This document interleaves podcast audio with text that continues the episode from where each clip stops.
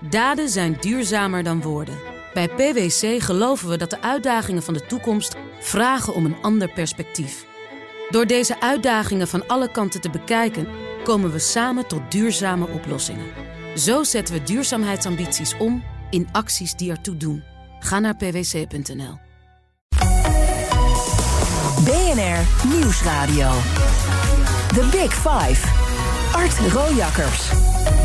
Goedemorgen, fijn dat je luistert naar BNR's Big Five. Niet eerder zaten er zoveel kleine partijen in de Tweede Kamer. Daarom gaan we weeklang in gesprek met de fractievoorzitters van vijf partijen. Zij vertellen hoe ze invloed uitoefenen en hoe ze hun onderwerpen op de agenda proberen te krijgen. Ja, wanneer tel je mee? Met wie sluit je verbonden? Hoe zorg je ervoor dat je idealen, dat je daarvoor blijft staan?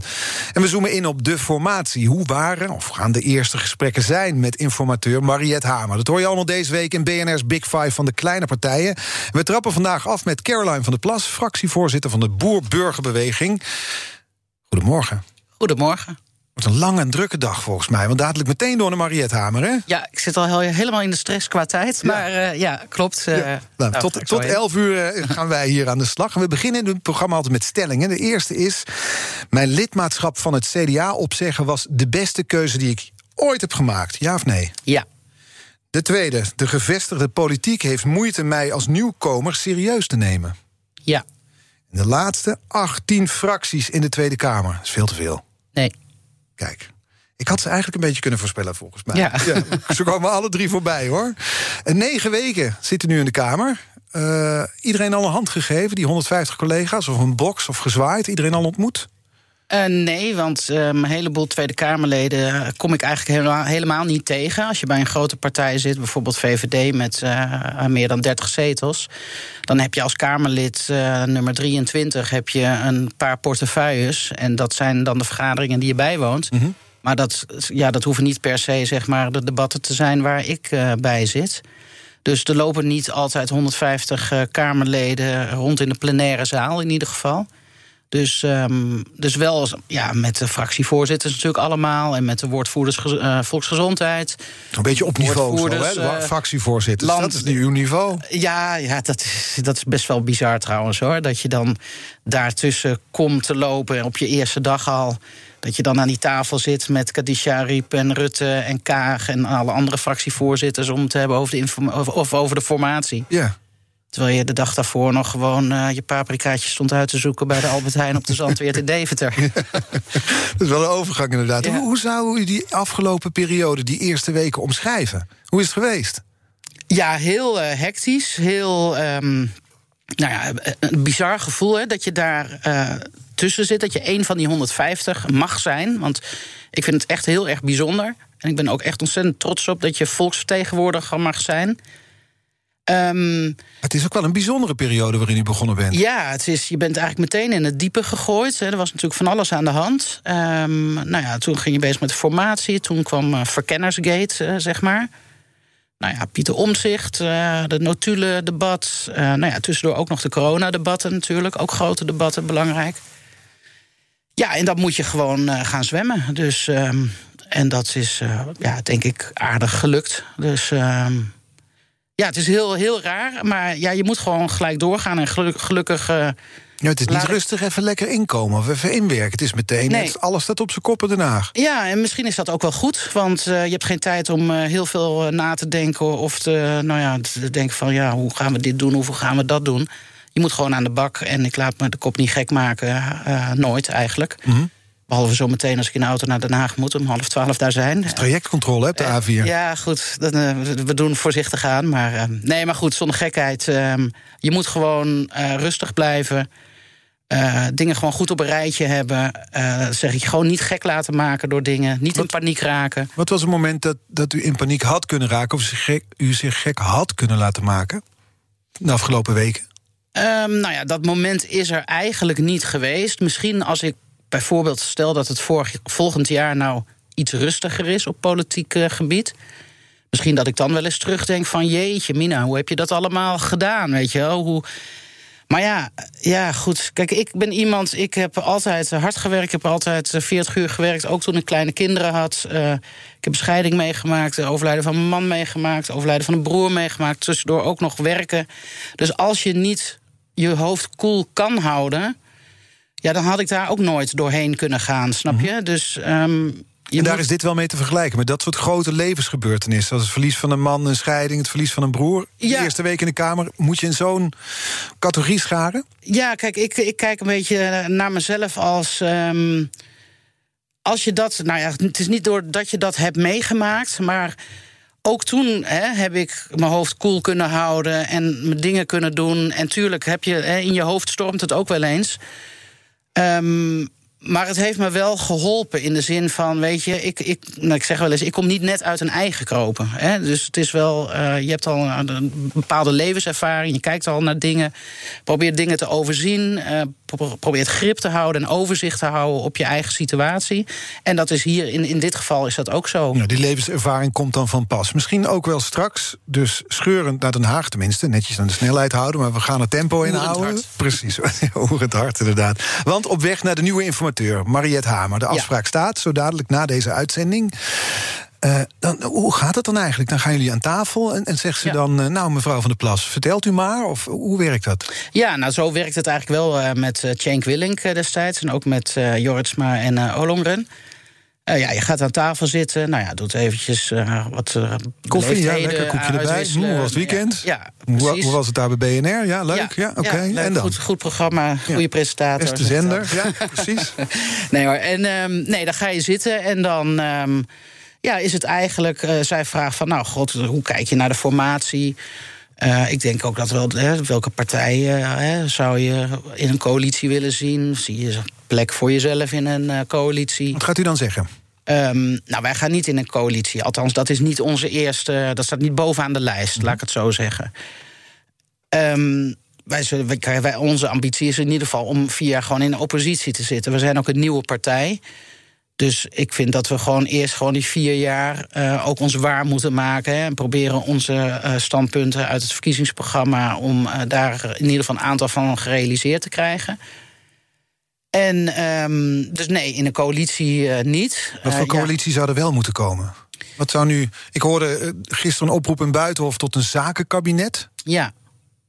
Ik vond dat op zich geen slecht idee. Ik was niet zo heel erg gecharmeerd, met alle respect hoor, voor de mensen die werden genoemd, eh, zeker. Maar ik wil graag, en dat heb ik aan Cenk Willink ook eh, aangegeven... ik wil graag dat eh, in welk kabinet dan ook... dat het vakmanschap leidend is. Dus dat er vakmensen in een kabinet zitten...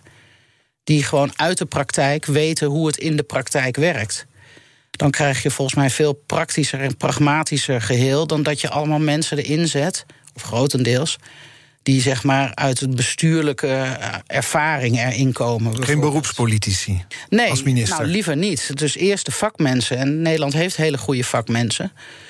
En ehm, Wie zou er bijvoorbeeld minister van Landbouw kunnen of moeten worden in uw ogen? nou ja, dat eh, heb ik één naam eh, voor die mij heel geschikt lijkt. En dat is Aal Dijkhuizen. En Aal Dijkhuizen loopt al lang mee in de landbouw. Is ook heel pragmatisch en praktisch ingesteld. Eh, kent heel veel boeren, kent echt uit de praktijk. eh, kent hij ze. Hij is, eh, hij is wel bestuursvoorzitter geweest van Wageningen UR. Maar het is geen bestuurder zoals wij bestuurders kennen. Het is echt een man met poten in de klei, met gigantisch veel kennis, met een ontzettend groot netwerk in binnen- en buitenland. En Dus dat man- wordt dan de minister van Landbouw voor welke partij? Waar hoort hij bij? Ehm, in mijn herinnering is Aal Dijkhuizen volgens mij een VVD'er, maar dat weet ik niet Zit zeker. wel snor dan onder Rutte. Hè, want die wordt gewoon minister-president. Jullie hebben je ontzettend druk gemaakt de afgelopen weken in Den Haag. Maar alles blijft toch. Iedereen eh, deed zijn plas, maar alles blijft zoals het was. Al, ja, zo lijkt het. Daar lijkt het wel een beetje op, ja. ja. Maar goed, kijk, wij hebben twee keer een motie van wantrouwen tegen Rutte ingediend. En daar staan we nog. We, ik. eh, daar sta ik nog steeds achter. Ehm, en ik heb ook tegen Cenk Willing destijds gezegd. eh, ja, dat. Kijk, ik zie een kabinet met VVD wel, maar niet een kabinet met VVD met Rutte erbij. En daar blijft u bij. Daar blijf ik bij. Ja, dat zal ik vandaag ook, eh, ook ja, weer aangeven. Dat wordt de boodschap aan Mariette Hamer. Geen, wel een VVD-kabinet, dat kan, maar dan zonder Rutte. Ja, ik vind, ik vind dat Rutte gewoon echt fouten heeft eh, gemaakt. Hè. Niet alleen met het omzicht gebeuren. Maar eh, kijk, ook in de hele toeslagenaffaire bijvoorbeeld. Eh, afgelopen vrijdag ben ik bij eh, slachtoffers van schietpartij in Alphen aan de Rijn geweest. Waar Rutte ook heeft gezegd: Weet je, we staan achter jullie, we helpen jullie. Nou, de mensen zitten helemaal in de vernieling. Wachten, 100 mensen wachten al twee jaar op hun schadevergoeding. Um, ja, ik heb iemand gesproken die tegen mij zei uh, dat hij eigenlijk liever had dat de kogels iets meer naar links waren gegaan. Want dan was hij in ieder geval dood geweest. Nou, ik vind het verschrikkelijk om te horen. Dat zijn burgers van Nederland die gewoon recht hebben op die schadevergoeding. Want de politie is daarvoor verantwoordelijk uh, gehouden door de Hoge Raad. En dan vind ik het gewoon echt schandalig dat die mensen nog steeds wachten. En ik vind dat ons kabinet, onze, de leiders van ons land, betrokkenen, hè, ook de heer Grapperhaus, dat die gewoon een plicht hebben om ervoor te zorgen dat er voor die mensen wordt gezorgd. Nou, en, dat, en zo heb je heel veel uh, voorbeelden. Dat, ja, dat gebeurt, is allemaal gebeurd onder uh, kabinet Rutte. En ja, ik vind dan dat je gewoon niet meer kan terugkeren als, uh, als premier hoewel hij zal ook goede dingen hebben hoor. Ik bedoel, het is het niet allemaal mm kommer en kwel. Maar dat is voor mij wel reden om daar uh, ja, om ook achter die moties te staan die destijds uh, zijn ja. ingediend. En die blijft van kracht. Ja. The Big Five. Art Rojakkers. Deze week spreek ik vijf fractievoorzitters van kleine partijen. Vandaag de gast Caroline van der Plas, fractievoorzitter van de Boer-Burgerbeweging. BBB of, zoals ze in Den Haag ook wel genoemd werden... Triple B. Door uh, demissionair president, minister-president Mark Rutte en ook minister van Volksgezondheid Hugo de Jonge. Dat zeiden ze in de Tweede Kamer. Toen sprint u, het was echt een sprint die ik zag, richting de interruptiemicrofoon en ging er fel tegenin. Oh, ik dacht dat wij er een fragment van hadden, maar nee, dat hebben we niet. Nou, dat is jammer. Ik wil het laten horen, want u maakte zich boos over het uh, triple B. Uh, ja, dat klopt. Um, ik had in de weken daarvoor um, al een aantal keren gezien dat het kabinet uh, op sommige momenten um, ja, niet met respect omgaat met Kamerleden. Weet je, er wordt wat gegrapt en gegrold. Terwijl er gewoon serieuze vragen worden gesteld er wordt uh, af en toe gezegd, ja, een beetje op een hautaine manier, met een beetje de den van, uh, ja, als u het had gelezen, mevrouw Marijnissen bijvoorbeeld, dan had u dat kunnen weten. Oh ja, die grote woorden, die kennen wij wel van u. En daar heb ik me gewoon heel erg aan gestoord. En uh, dus ik had eigenlijk daarvoor had ik al een inbreng gedaan. En had ik eigenlijk al een oproep gedaan van stop daarmee. Want als je de Kamer schoffeert, of niet serieus neemt of belachelijk maakt. -hmm dan maak je eigenlijk het volk belachelijk. Want wij staan hier als volksvertegenwoordigers. En als je dat bij mij doet, dan ja, dan, doe je daarmee ook tegen de achterban van de burgerbeweging. Ja, maar gewoon in, bij de burger in het algemeen. En uh, ik vind dat gewoon heel erg kwalijk. Want daarmee neem je de burgers ook niet serieus. Zo, zo principieel zie ik dat. Heeft en dat was ook de reden waarom ik zo boos werd. Ja, en dus was die stelling in het begin van de verste... de politiek heeft moeite mij als nieuwkomer serieus te nemen. Dat heeft hiermee te maken ook. Ja, onder andere. Ja, ja, maar ook met um, uh, de voorstellen die je doet. Hè, al dat niet in de vorm van een motie. Um, daar zien, ik, ik vind het gewoon jammer dat, dat die partijen het grotere plaatje daarvan niet zien. Hè. Mm Zoals de WhatsApp-motie, dat was dus gewoon echt bedoeld voor dat grotere plaatje. Het kabinet lekt. Ja. De Tweede Kamer heeft daar de mond van vol. Ik bedoel, serieus, uren wordt daarover gedebatteerd. Dan doe je een praktisch voorstel. En of het nou via een WhatsApp gaat of via mail of wat dan ook. Ja dat maakt verder niet uit. Het gaat erom dat je het kabinet daarmee wil dwingen om te stoppen met dat gelek. Dat is de achtergrond van de motie. Mhm. En dan denk ik van, weet je, er staan we een week daarvoor staan we uren te debatteren. En iedereen heeft grote woorden van, uh, ja. Uh, de Kamer moet als eerste worden geïnformeerd. En hoe gaan we dat oplossen? En dan moet er een commissie komen. Nou, er hoeft helemaal geen commissie te komen. Weet je, het is heel normaal. Hè? Hoe je, krijg je een nieuwe bestuurscultuur? Door nieuwe dingen te proberen. Nee, door gewoon normaal te doen. Door gewoon normaal te doen. Als iedereen gewoon normaal doet, dan gaat dat heel snel, zo'n ja. nieuw bestuurscultuur. Ja, wat is normaal is dan natuurlijk meteen de vraag, hè? Ja, normaal is... Het, ja, het normaal is gewoon uh, praktisch denken, niet al te moeilijk doen... Ja. met respect omgaan met elkaar en niet lekken. Ja, weet je, wat is er moeilijk aan niet lekken? Dat is gewoon niet lekken. Ja, dat klopt. Ja, maar wat is er moeilijk aan niet te hard rijden? Dus gewoon niet te hard rijden en toch doen we het. He, er zijn ook bepaalde fenomenen die nou eenmaal bij een beroepsgroep horen. Ja, nou goed, ik, nou, ik vind dat dus niet. Nee. ik vind dus dat je gewoon uh, ja, praktisch moet denken. Wat, hoe kunnen we snel iets uh, bereiken? Ja. En vaak zijn dat hele simpele dingen. Hè. Het zit gewoon vaak in de eenvoud. En kijk, ik neem het de Kamerleden op zich ook niet kwalijk in die zin hè, dat ik ze ja, dat ik ze niet aankijk of dat ik boos op ze ben. Mhm. Maar ik zou wel graag willen zien dat mensen wat meer openstaan... gewoon voor, voor praktische oplossingen. Ja. En dat bedoel ik ook met dat vakmanschap in een nieuw kabinet vakmensen, mensen uit de praktijk, die komen ook vaak met hè, praktische oplossingen. Ja. We hoeven niet heel moeilijk te doen vaak. In die, in die weken dat u er zit, wat heeft u tot nu toe bereikt? Die WhatsApp-motie, daar heeft u in ieder geval veel publiciteit mee gehaald. U heeft het niet gehaald, maar veel, mee, eh, veel publiciteit in ieder geval. Wat, wat, is er nou al waarvan u denkt, ja, dat heb ik binnengehaald? Nou, kleine dingen eigenlijk. Hè. De kleine, eh, kleinere voorstellen. Ehm, wat we bijvoorbeeld hebben voorgesteld eh, vorige week is eh, met het, die testlocaties. Eh, nou hebben we tegen de testwet gestemd en ook tegen de quarantaineplicht gestemd. Maar ja, wetende dat die toch, ja, die wet zou er toch wel komen, want de meerderheid was daar gewoon voor.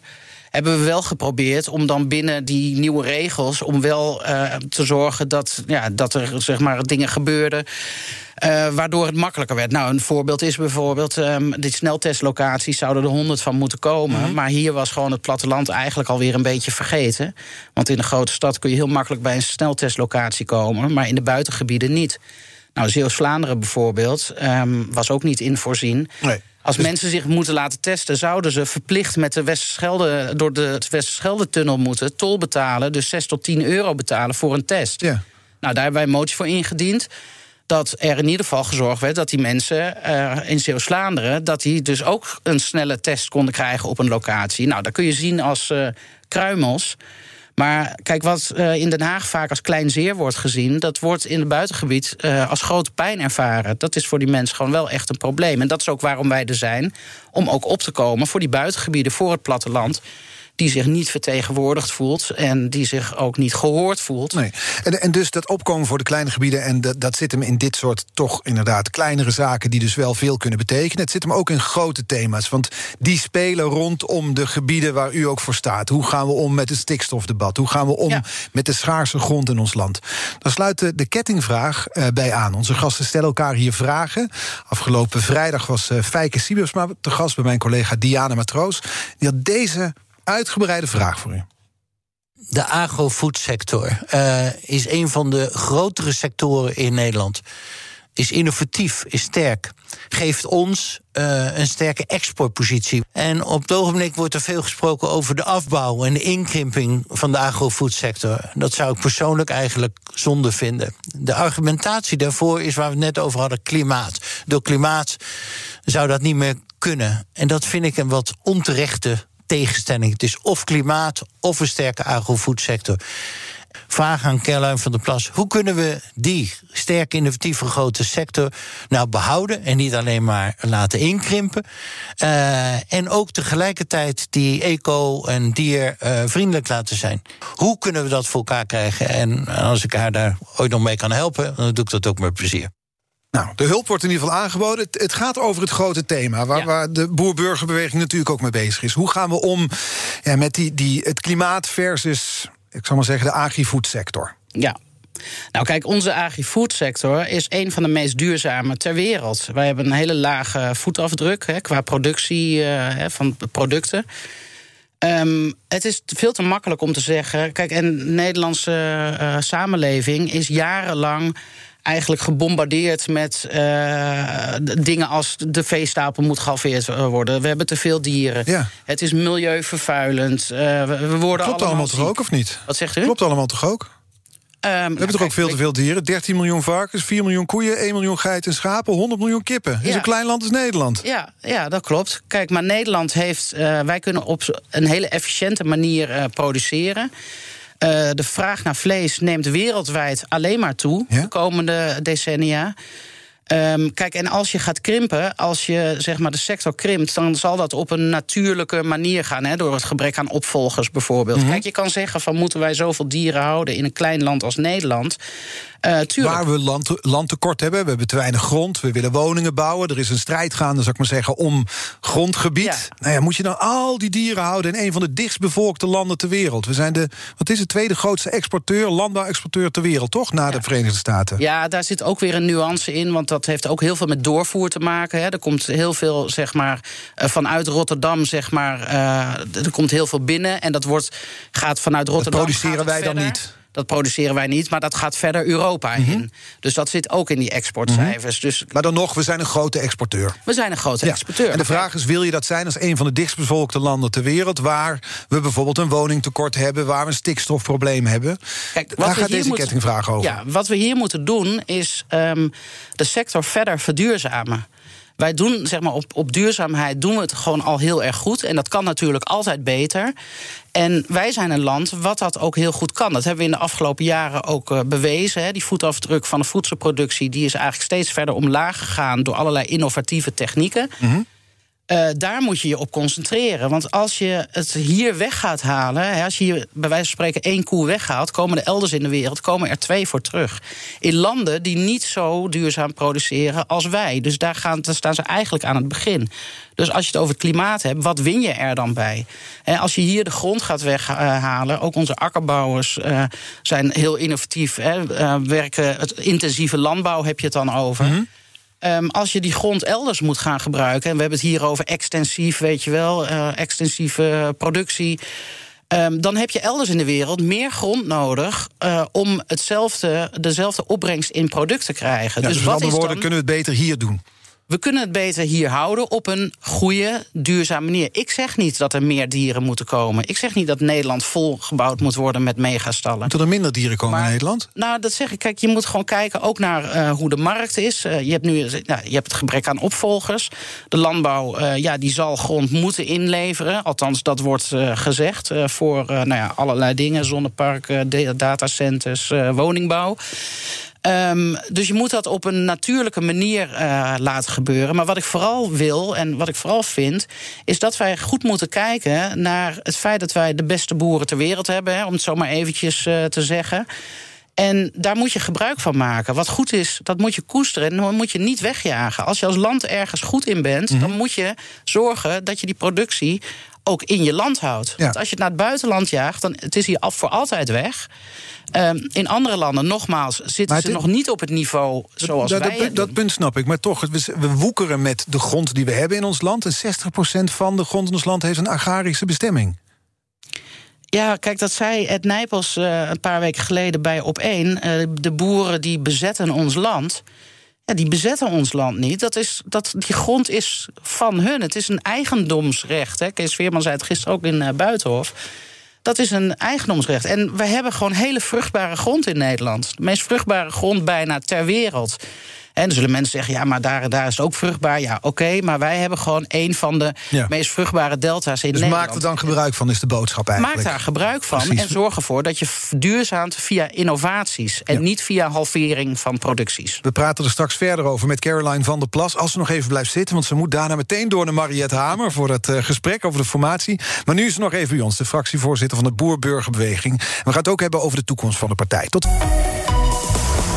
BNR Nieuwsradio. The Big Five. Art Rojakkers. Welkom bij het tweede halfuur van BNR's Big Five. Deze week vijf kopstukken uit de wereld van de kleine partijen. En vandaag trappen we af met de fractievoorzitter van de Boer-Burgerbeweging, Caroline van der Plas. En voordat we zo verder gaan eh, met het gesprek met mevrouw van der Plas, schakelen we even naar onze politiek verslaggever Thomas van Groningen. Die kent u natuurlijk uit de wandelgangen. Ja, Ja. volg hem ook op Twitter. Ja, hier, nou, Erg dus, leuk. eh, kan ik iedereen aanraden. Want Thomas, jij loopt daar. eh, goedemorgen. Goedemorgen. Jij loopt daar. eh, jij bent ook een soort nieuwkomer op het Binnenhof eigenlijk, hè? Ja, klopt, ja. Ja, ja. ja. Net, net iets langer dan mevrouw van der Plas. Oh ja, goed om te weten hier. Net iets langer hoor. Ja. Eh, ehm, hoe, staat de, de, de boer-burgerbeweging eigenlijk als eh, kleine partij bekend? Wat, wat hoor jij in de wandelgangen? Nou ja, wat opvalt in, in, op het Binnenhof is dat mevrouw van der Plas ontzettend populair is bij journalisten. En eh, dat valt echt op. Hè. Je hebt altijd een goede quote. En je ziet het dan ook echt gebeuren op de gangen. Dan zie je allerlei Kamerleden die naar de Kamervloer eh, lopen. En dan valt echt op dat als mevrouw van der Plas langs loopt, dat dan er altijd wel een cameraploeg is die haar even, even roept eh, richting een camera. Dus on- onwijs populair bij de media. En ja, wat ook opviel, eh, daar hebben we het net al even over gehad, is dat het BBB zich toch vaak hebben wij het idee niet serieus genomen voelt. Hè, of het gevoel dat er misschien minderwaardig over de partij of over de achterban van de partij wordt gedaan. Terwijl dat soms niet zo is. Hè. Dat levert dan een aantal botsingen op. Onder andere nou, met Hugo de Jonge hebben we natuurlijk net even gehoord. Ehm, ook met een aantal andere partijen. En daar hou je aan de andere kant weer van. Van ja, maar zo bedoelden wij het echt niet. Dus dat, dat, is, daar, dat is dan een soort van communicatiemisverstand waar het over gaat. En ik vraag me soms wel eens af, waar komt dat, nou ja, misschien wel Calimero-achtige, soms een beetje vandaan? Ja, dat, dat vraag ik met alle respect natuurlijk. Precies, nou dat ga ik dan vragen aan Caroline van der Plas. Dankjewel Thomas van Groningen vanuit Den Haag. We spreken je uh, morgen dan over Laurens Dassen. Yes. Ja, waar, waar, komt dat vandaan? Kijk, ik ben uh, uh, PSV-fan, dus ik herken het wel. Hè. Wij hebben dat ook, het Calimero-complex. Maar waar komt het vandaan? Ja, nou, ten eerste vind ik het goed om te horen um, dat het dan kennelijk uh, niet zo is.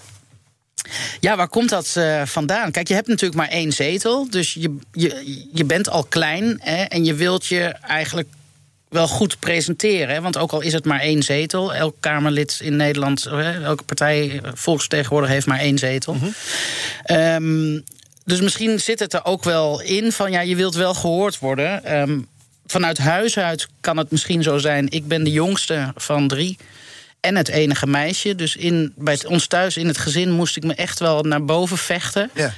En dus misschien zit het ook wel van nature erin. Maar ik ben niet een constant boze mevrouw die denkt dat iedereen tegen haar is hoor. Mm -hmm. um, ik, maar ik vind het wel gewoon belangrijk om gehoord te worden. En zeker ook uh, ja, de punten waar wij voor staan, dat die ook gehoord worden. Zou het ook iets te maken kunnen hebben met de entree op het Binnenhof? Want als je met een tractor het Binnenhof op komt rijden op je eerste werkdag, kun je ook afvragen: ja, hoe serieus neem je jezelf dan? Ja, heel serieus. Wij hebben gezegd, uh, wij brengen het platteland naar Den Haag. Ja, dat hoeft niet met een tractor. Nou, waarom niet?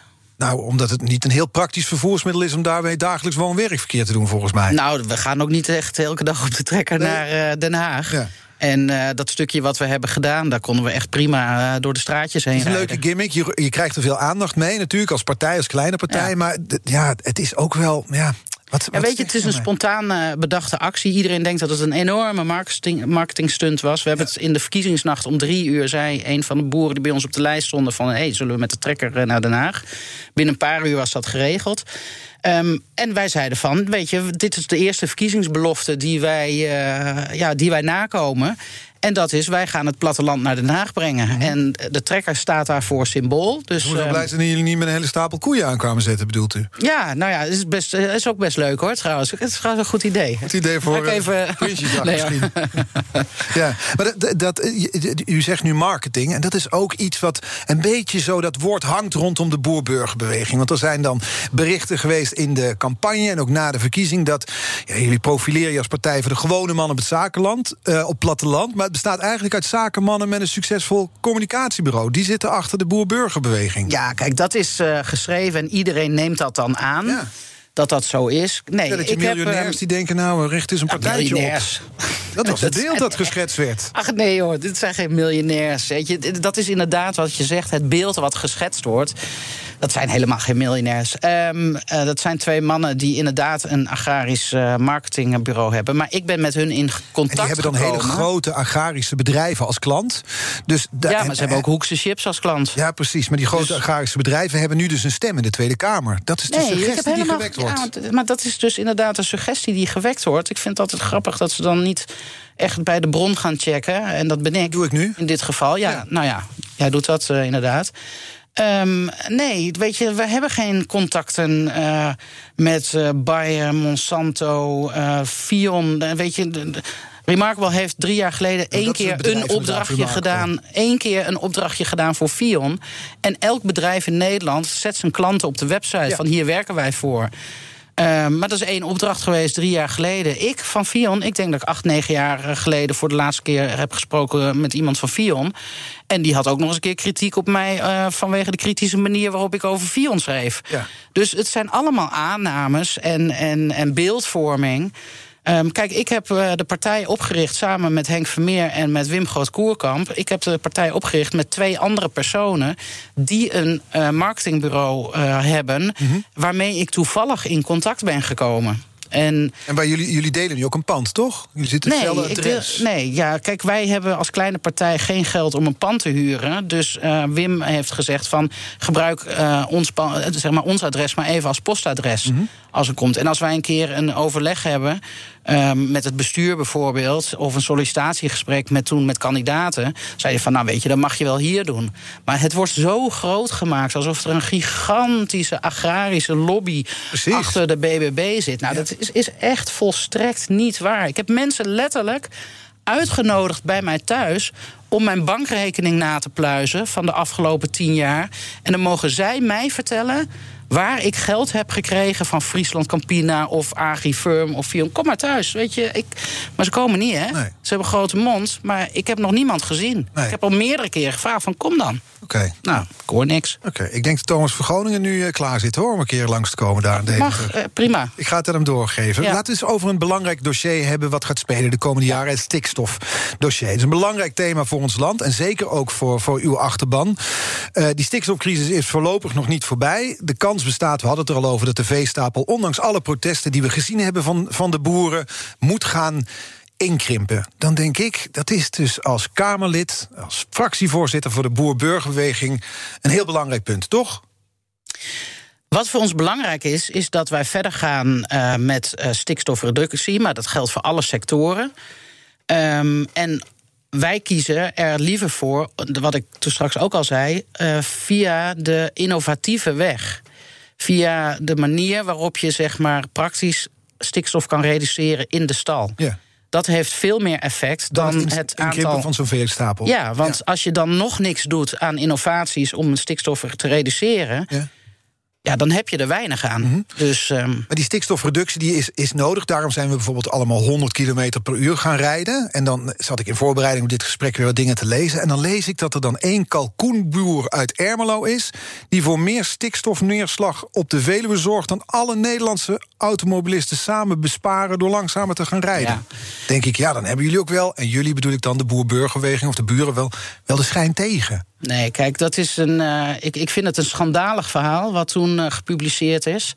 Want ook daarin. inderdaad, hè? Wat zeg je? Stond een heleboel kranten inderdaad, het breed ja, ja, gedeeld. ja, ja, nee, zeker. Ehm, kijk, die kalkoenboer die zit daar al ehm, decennia. Eh, die voldoet aan wet en regelgeving die voor die tijd golden. Uiteindelijk, ik ga het nu even heel simplistisch uitleggen hoor, want daar zitten echt heel veel nuances in. Ehm, op een gegeven moment eh, krijgen we de zaak van eh, ja, Johan Vollebroek tegen de staat over de stikstofuitstoot. Dan wordt er gezegd van, nou weet je, we, we stoten te veel stikstof uit en er is veel, te veel depositie op eh, zeg maar stikstofneerslag op natuurgebieden.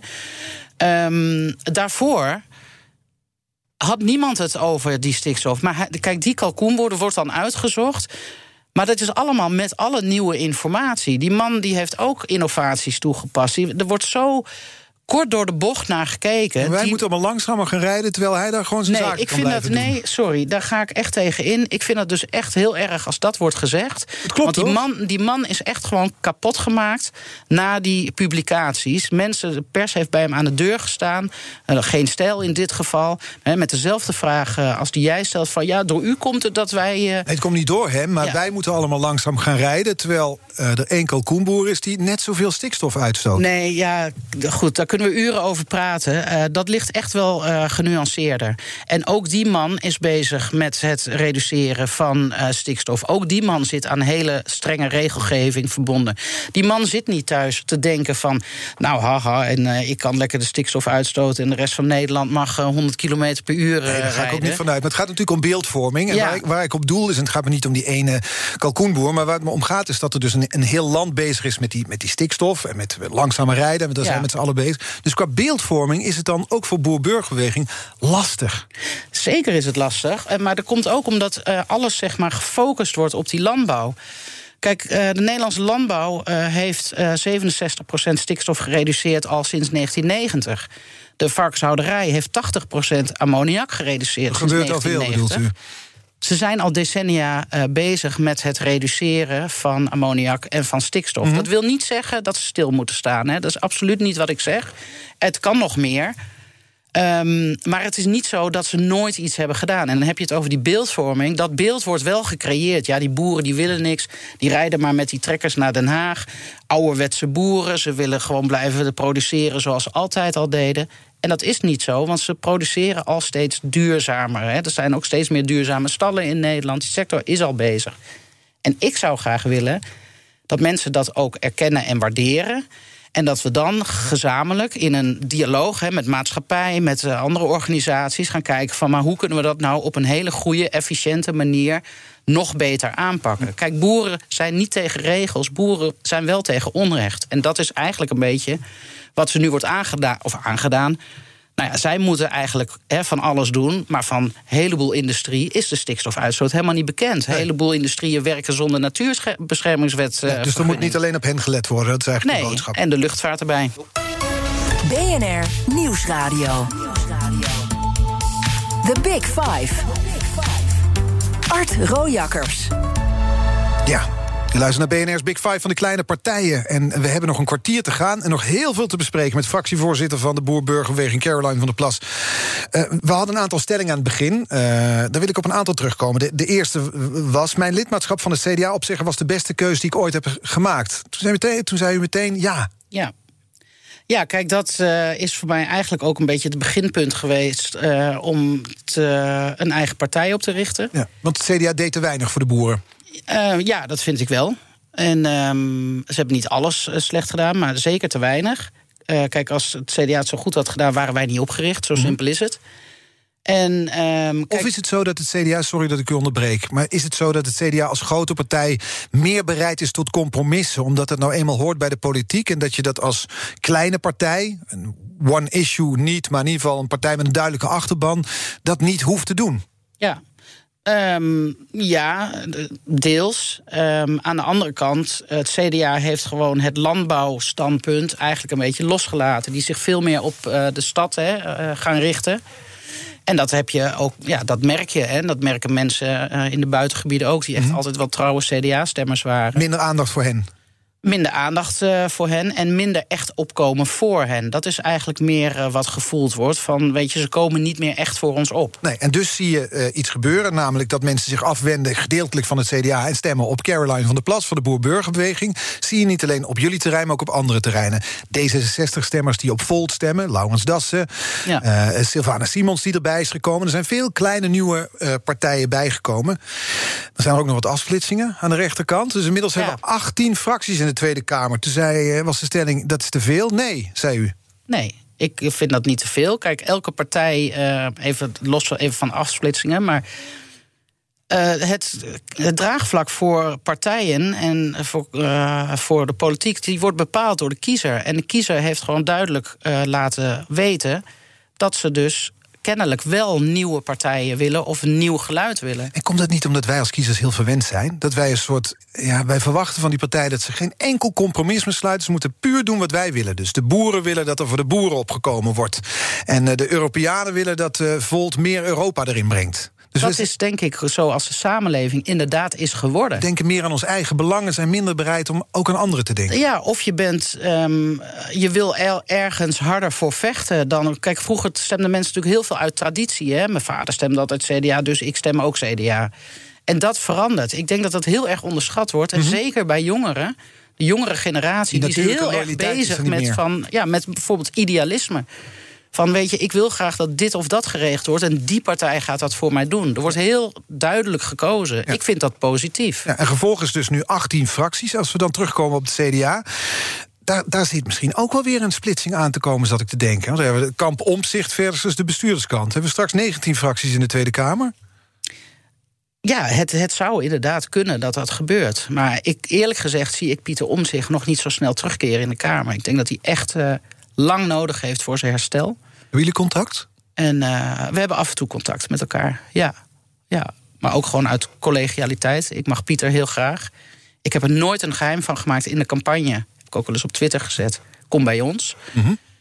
Ja, wie wil nou niet zo'n kanjer van een Kamerlid uh, in het midden hebben?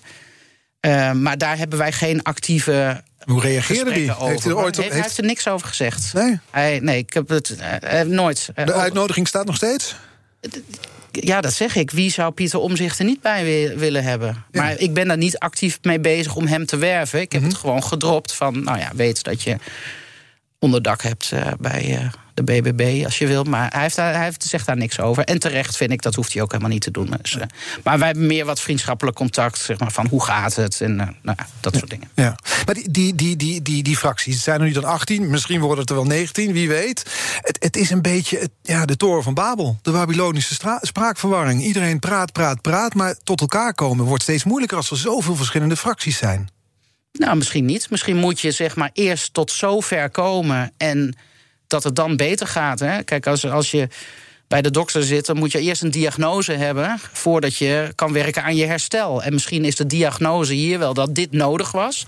Hè? Dus ook de afsplitsingen. Dat we daar nu bij de diagnose zijn aangekomen en dat we nu kunnen gaan werken aan het herstel en aan het beter worden. Zo zie ik het. Ja, ik ben altijd positief ingesteld. Dus Ja, ja. En wat zou dat, waar zou het herstel toe moeten leiden? Nou, vooral tot een eh, betrouwbare politiek. Dat mensen weer geloven in politici. Dat je niet meer hoort van ja, jullie doen maar wat en het zijn zakkenvullers en we vertrouwen de overheid niet. Ik wil gewoon echt een betrouwbare overheid eh, hebben. Dat vind ik heel erg belangrijk. Ik denk dat dat. Het, Ambitieus om te denken dat burgers niet meer denken dat jullie allemaal zakkenvullers zijn. Ja, nou ja, goed. Je moet ergens een ambitie hebben. Dus, eh, eh, zeg maar, dus mijn ambitie is het ervoor te zorgen dat, ja, dat, dat burgers toch wel weer een beetje vertrouwen krijgen in politici en in de politiek. Krijg je dat voor elkaar? Ja, kijk, ik doe het op mijn manier. Hè. Ik, ik, ik probeer gewoon heel dicht bij mensen te staan. Of dicht bij mensen, dat klinkt ook zo'n beetje eh, alsof, alsof dat niet zo is. Ja, weet je, ik Maar ben. misschien door buitenstaander te blijven. Misschien is wel boer-burger Ja. buitenstaander. Ja, door gewoon normaal te blijven en niet, geen rare dingen doen, geen rare fratsen uit te halen. Ehm, gewoon eh, goed te luisteren naar burgers, ja, midden in de samenleving staan. Ehm, En door je te blijven verbazen over wat er in Den Haag gebeurt. Want zometeen gaat u dus naar Mariette Hamer toe.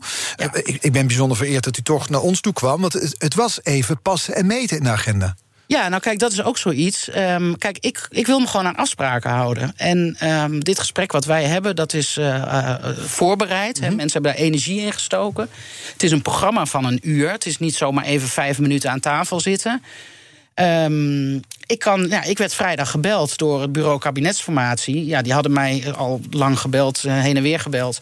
Konden mij niet te pakken krijgen. Maar ik zat bij een werkbezoek. Hè, en ik zat in in Alphen aan de Rijn, Rijn. ja. Dat een serieus onderwerp is. Dus ik ga niet daar de telefoon opnemen. Nou goed, het was een soort van paniek van... ja, we hebben nu kunnen bereiken. We hebben nu nog maar één tijd en dat is half twaalf.